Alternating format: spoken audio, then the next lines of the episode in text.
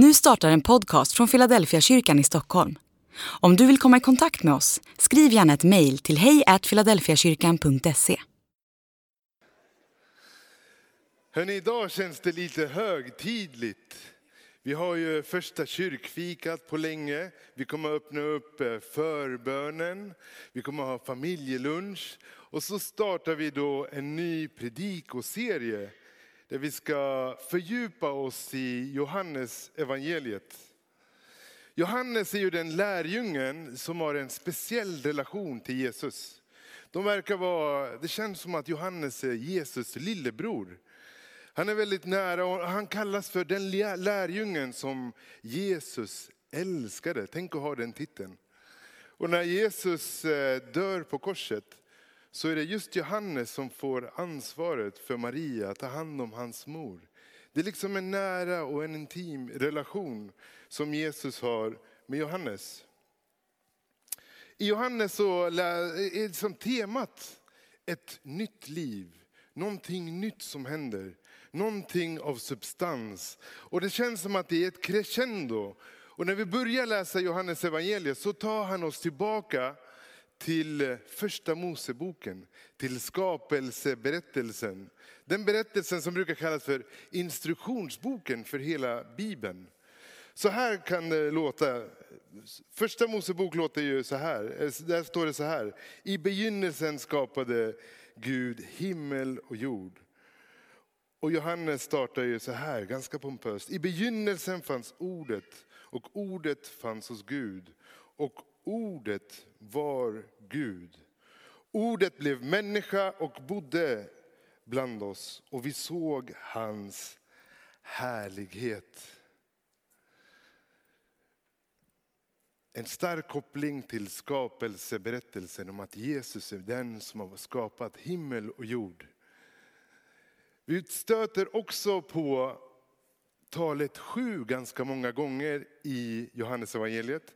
Och det korresponderar också till just skapelseberättelsen. När Gud skapar en trädgård som heter Eden, Edens lustgård. Som betyder välbehag eller härlighet. Och vi såg hans härlighet. Och Johannes bygger upp som ett crescendo, att det liksom, vi är på väg någonstans när vi läser Johannes med de här olika sjuorna som man har. Det finns eh, sju gånger där det står att Jesus är på väg till Judeen. Jesus har sju tal. Och så använder Jesus Guds namnet jag är sju gånger. Och så ska vi nu under åtta veckor följa de sju tecknena som, som eh, Jesus gör i Johannes evangeliet. Johannes använder ett annat ord för när Jesus gör ett under. De andra evangelisterna, Matteus, Markus och Lukas, skriver på grekiska när Jesus gör ett under att det är dynamis. Alltså det är en kraftgärning, som dynamit. Men eh, Johannes använder ett annat ord som är eseion, ett tecken. Ungefär som en skylt. Det är något som händer här och nu men det vill säga oss någonting om vart vi är på väg. Det är som att det byggs upp ett crescendo. Och det sjunde tecknet är när Jesus väcker sin gode vän Lazarus till, från död till liv. Temat är alltså från död till liv, till ett liv med full av mening. Och jag tänker att eh, vi ska börja läsa och idag ska vi fördjupa oss då i det första tecknet. Och är det så att du har din bibel med dig så får du gärna vara med och slå upp. Vi försöker skapa en ny trend här i teamet, i att vi tar med oss våra biblar igen. När jag var liten så kunde jag se om en predikan kunde bli lång. Eh, på bibeln som predikanten hade var det massor med post-it-lappar och han hade en sån här stor dragkedja. Då visste man att man skulle sitta där ett tag. Innan vi läser Guds ord så tänker jag att vi ber en bön. Herre, jag tackar dig för din godhet och din kärlek.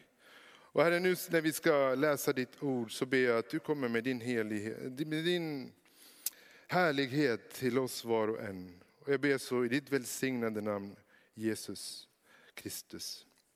Amen. Vi läser Johannes evangeliet kapitel 2 och vers 1 och framåt. På tredje dagen hölls ett bröllop i Kannan i Galileen och Jesu mor var där.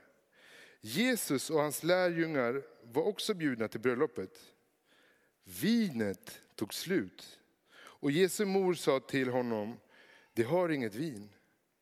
Jesus svarade, låt mig vara kvinna, min stund har inte kommit än. Jesu mor sa till tjänarna, gör det han säger åt er. Där stod sex stora stenkärl för vatten till judarnas reningsceremonier. Var och en rymde omkring hundra liter. Jesus sa, fyll kärlen med vatten och de fyllde dem till bredden.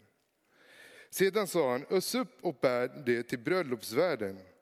Och det gjorde de. Värden smakade på vattnet som nu hade blivit vin. Eftersom han inte visste vart det kom ifrån, men det visste tjänarna som hade öst upp vattnet, så ropade han på brudgummen och sa, alla andra bjuder först på det goda vinet och på det sämre när gästerna blir berusade. Men du har sparat det goda vinet ända till nu. Så gjorde Jesus det första tecknet. Det var i kanan i Galileen och han uppenbarade sin härlighet. Och hans lärjungar trodde på honom. Ett tecken som föder tro, så att vi ska tro. Det första jag tänker på när jag läser den här texten är att kapitel 1 börjar så pompöst. Gud han som skapar himmel och jord, han är med i skapelseberättelsen. Och den här guden kommer ner och bor mitt ibland oss. Och så bara i kapitel 2 så ser vi Jesus trängs liksom på ett långbord med en massa människor mitt i livet. Jag tänker Jesus är vid det här laget 30 år och vi vet ju att han har ungefär tre år kvar att leva. Han har tre år på sig att liksom rädda världen. Men ändå så sitter han på ett bröllop, en ganska vardaglig sak. Och är på det här långbord och trängs med människor. Jag gillar det Karin sa, han som har skapat universum har även tid för mig. Det är det första jag tar med mig utifrån den här texten vi läser. Johannes evangeliet är delad i två delar. Och eh, den första delen där Jesus är ganska offentlig bland människor. Och så är halva evangeliet, det handlar om de människor han har fått möta. De människor som har börjat följa honom. Från kapitel 13 så börjar han med tal till just de som han har relation med. Och han har tid att spendera med just dem. Jesus är relationell. Jag vet, jag kommer från en kultur där bröllop kan bli ganska stora. För vi har en väldigt konstig eh, sätt att ha inbjudningar på. Det går till så att eh, min farfar ringer typ din morfar. Och så säger han, du och din familj är välkomna, Josef ska gifta sig. Och så vet vi inte om eh, din morfar tar med sig sin fru och så kommer de. Eller så tar han med barnen och barnbarnen och så blir det liksom en hel klan som kommer. Och det kan bli ganska mycket folk och det kan bli liksom, ja, det är härligt men lite stökigt så här. Och, ja, och är det så här vin inblandad och så i bröllopet, då vet man liksom inte riktigt hur kvällen kan, kan bli. Jag och min familj hade i alla fall en kod. Eh, vi är kvar på middagen, vi är kvar liksom när brudparet dansar. Men när tårtan kommer, då tittar vi alla på varandra och då liksom, nu är det dags att gå hem tycker vi. För att liksom säkra upp kvällen. Att det, vi vet inte var det tar vägen. Men Jesus, han sitter kvar. Han är kvar på det här långbordet och umgås med sina vänner. Och när vinet tar slut, ja, då ser han till att festen går vidare. Han har tid att umgås med människor. Vinet i en judisk kontext, det symboliserar glädje, någonting färgstarkt och fest. När vinet tar slut så är liksom festen håller på att ta slut. Glädjen håller på att ta slut. Ja, men det här kraftfulla, det som är, betyder något, börjar ta slut. Vatten kan betyda andra saker i andra sammanhang. Men just i komparation, alltså när man jämför vatten med vin, så är vatten någonting färglöst, någonting eh, smaklöst, någonting värdelöst. När vin är liksom någonting med substans, någonting kraftfullt, färgglatt och härligt. Jag, vet en, eh, jag kommer ihåg en morgon när eh, jag skulle väcka upp Matteus som då var fyra år. Det är vår son. Och han brukar vara glad på morgonen. Han vaknar upp och liksom sprider glädje och så. Men den här morgonen så vaknade han upp och så tittade han bara i taket. Och låg kvar i sängen så här. Stirrade liksom med skärpta ögon i taket. Och så sa han så här med en filosofisk röst. Är det det här livet går ut på?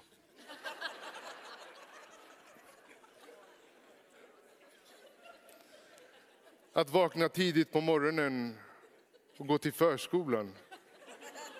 Och ni går till jobbet. Är det så här mitt liv ska se ut? Fyra år? Och jag, jag skrattade såklart lite, jag tyckte det var.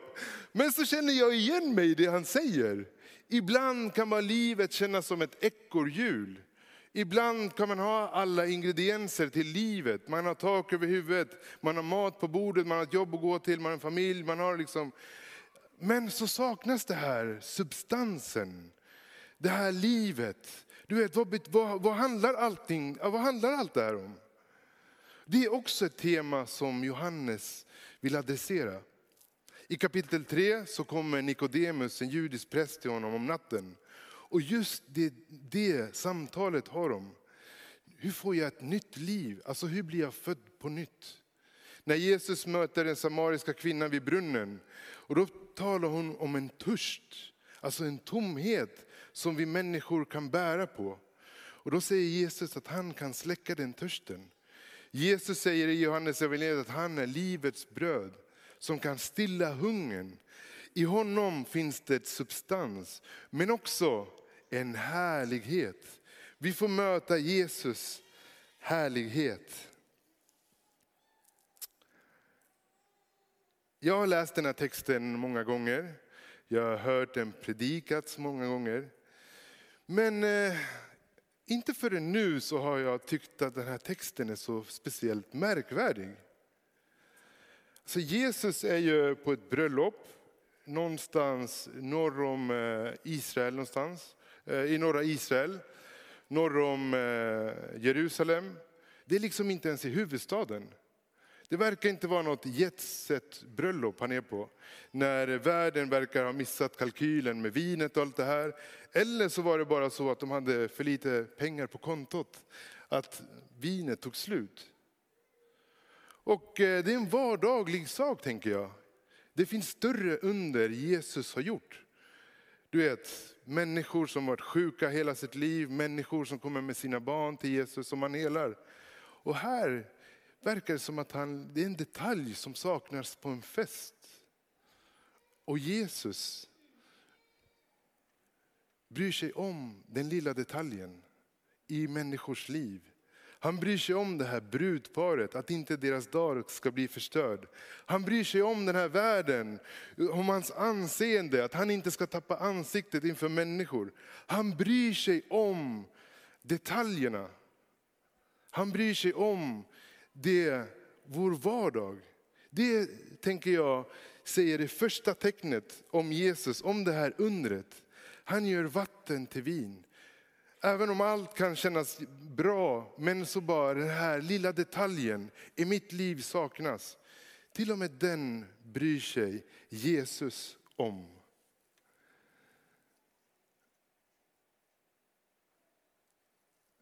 Som jag sa så är Johannes, han bygger upp sitt evangelium som ett crescendo.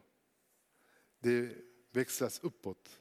Och jag tror inte det är en tillfällighet att när Jesus dör och uppstår, när kvinnorna vid graven kommer och besöker så misstar de honom för en trädgårdsmästare. För att det var just en trädgård som de första människorna fick vara i. talet 7 handlar ju om skapelseberättelsen. Någonting nytt är på väg. Jesus är den nya trädgårdsmästaren. Edens lustgård tänker jag inte är bara en geografisk plats. Nej, utan det är en plats där Gud får möta människor. Där himmel och jord möts. Där är härligheten. Där är Edens lustgård, där är välbehaget. Ett annat plats där vi kan möta, där vi ser det här relationella hos Gud. Och det är den stora storyn i gamla testamentet. När Mose får uppdraget att befria människorna ifrån slaveri i Egypten. Och så är de ute i öknen och vandrar och så säger Gud till dem, Mose, ska inte du sätta upp ett tält där jag kan få finnas mitt ibland er. Gud är relationell. Han vill sitta där och trängas med alla människor mitt i vardagen. Och eh, han får då det här eh, uppdraget. Men, ge, men Gud verkar inte ge honom uppdraget bara, lägga upp ett tält, utan han verkar vara med i varenda detalj. Och även där kan vi möta talet sju många gånger. Tillbaks då till skapelseberättelsen. Och det är sju dagar som prästerna ska inviga det här tabernaklet som, eh, som Mose fick i uppdrag att bygga. Det är sju armade ljusstakar. Och vi möter det här talet sju och Gud verkar bry sig om detaljerna. Och Gud vill möta var och en. Han är en relationell Gud. Precis som när vi tänker på Jesus, på det här långbordet med sina vänner och när han är där och trängs. Mitt i vardagen. Det här fanns på Guds hjärta i gamla testamentet. Det fanns hos Jesus och Jesus är sån idag fortfarande.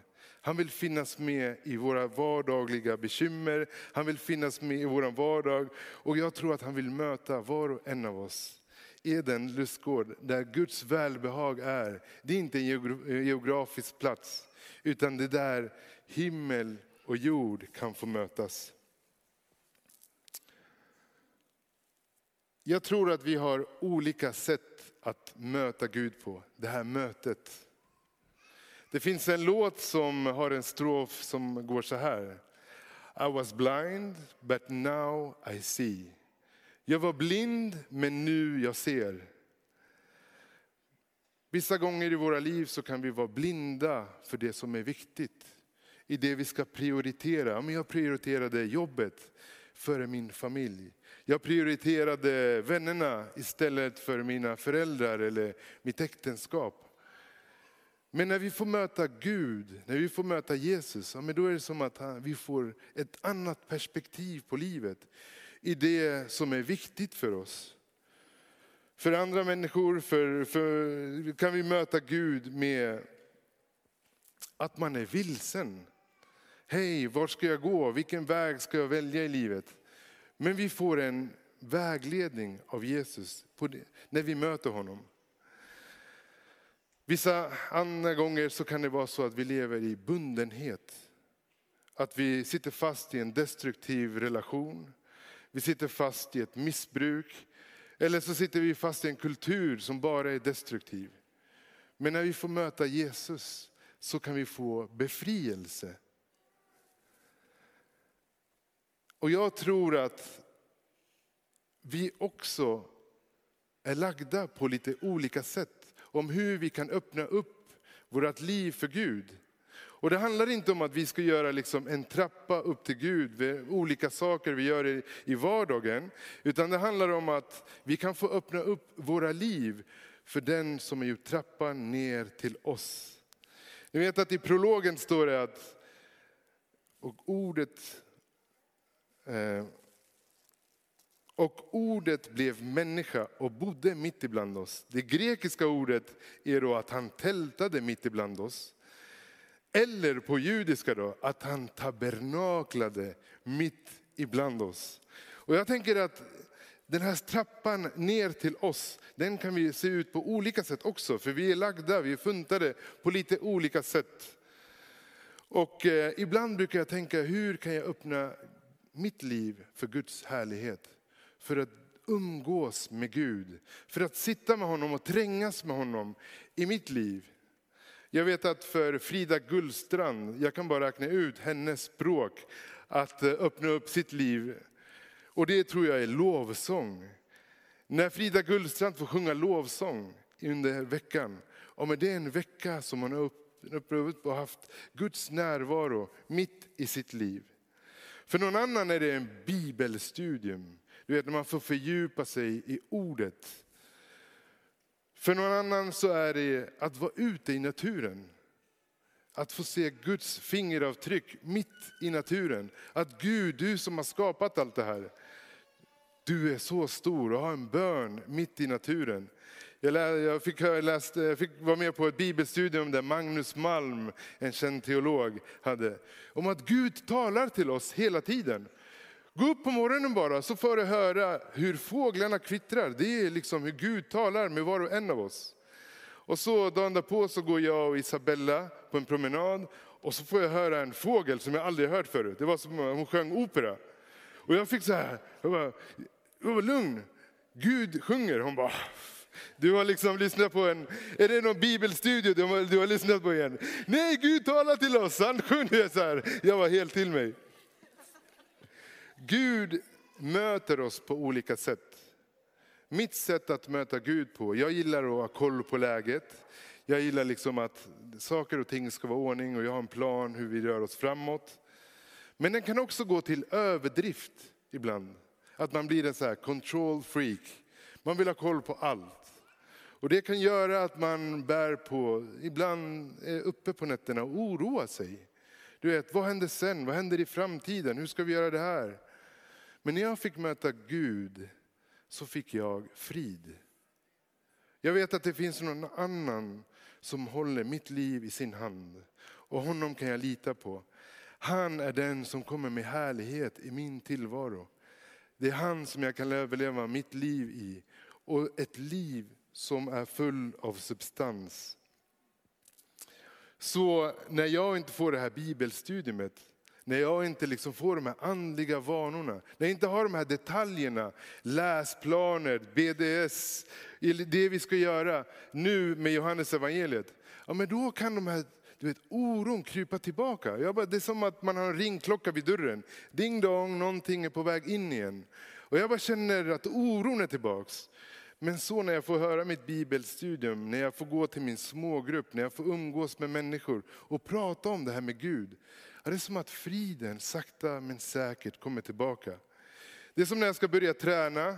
Jag är nog inte den bästa killen att prata om träning. Niklas eller Stefan Sigfrid säger bättre eh, på träning än mig. Det är som att man dyker upp till gymmet där och så inser man att det är en sko som fattas, schampot är borta. Oh, och så kommer veckan du vet, med träningsverk och så.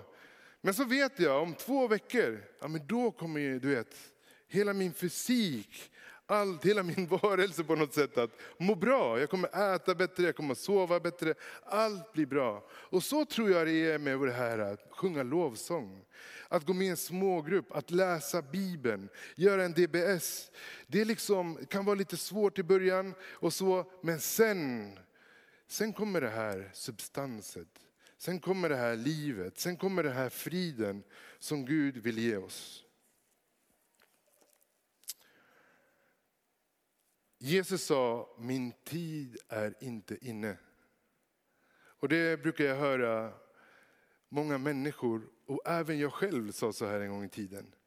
Jag väntade väldigt länge med att döpa mig för att jag sa, min tid är inte inne. Jag är inte där än, jag måste få ordning på detaljerna först i livet. Men det kändes bara som att liksom, jag gick bakåt.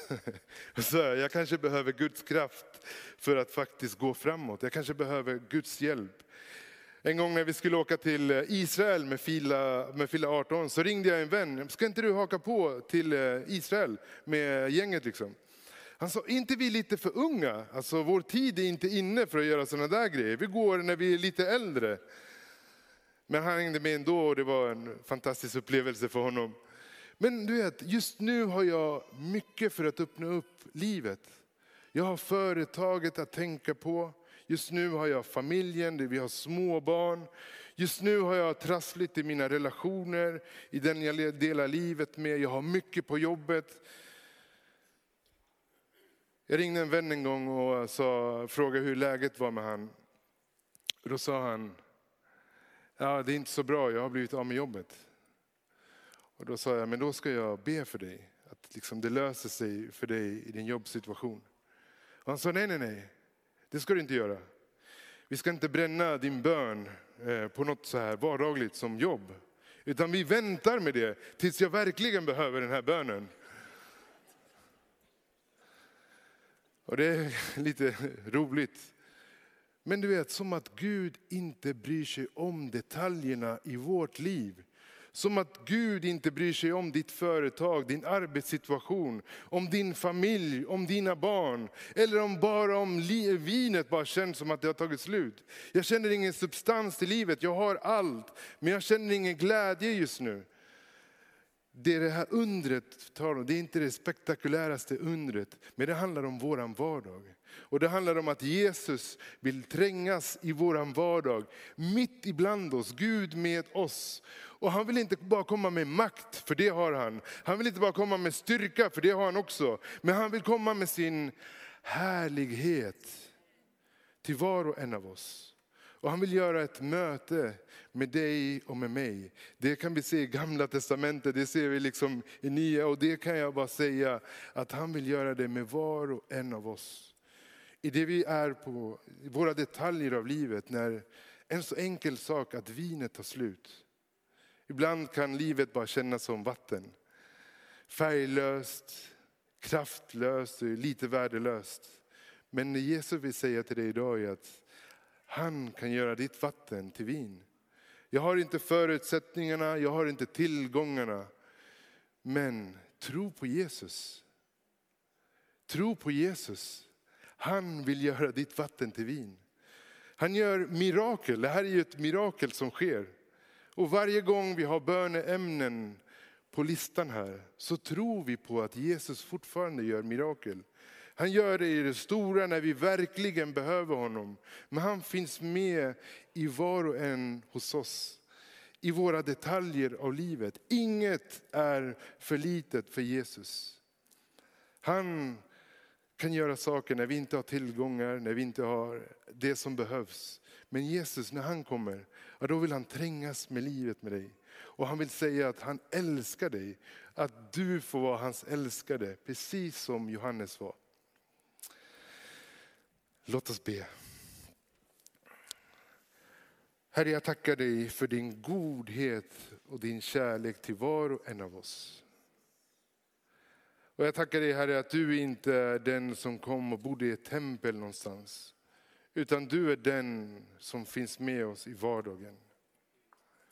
Herre, jag tackar dig att vi kan komma med allt till dig. Precis allt. Varje liten detalj kan vi komma och lägga i dina händer. Och jag tackar dig att när vi lägger någonting i dina händer så det gör du någonting meningsfullt med. Att vi kan få ett liv av din härlighet Herre. Och inte bara få ta del av den, men även få dela den vidare till människor. Herre, jag ber bara för var och en av oss Herre, att vi kan få lägga våra liv i dina händer. Tack Jesus Kristus för att du kom med din härlighet till var och en av oss. Amen.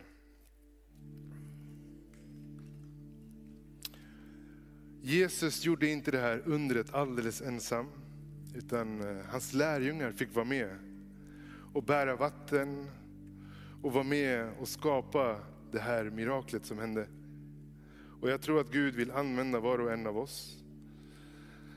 Vi har människor som eh, finns med här i församlingen som har tystnadsplikt. Och idag ska vi få öppna upp för förbön. Och en eh, annan detalj, en annan eh,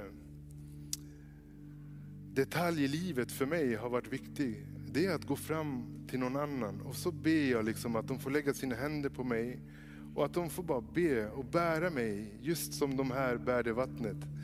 Så att Gud kan få komma in i mitt liv. Så nu kommer vi öppna upp böneplatserna. Det kommer att finnas en böneplats här på vänster sida och en här till höger, förebedjarna kan komma fram. Och jag skulle bara säga den här rutinen, som att träna, det är en väldigt bra rutin. Att gå fram och bara, du kan berätta så mycket du vill eller så lite du vill. Vännerna har tystnadsplikt. Och så ber du bara om den här detaljen i ditt liv. Att du kan få lägga det inför Guds händer. Så kommer vi ha en stund av lovsång just nu.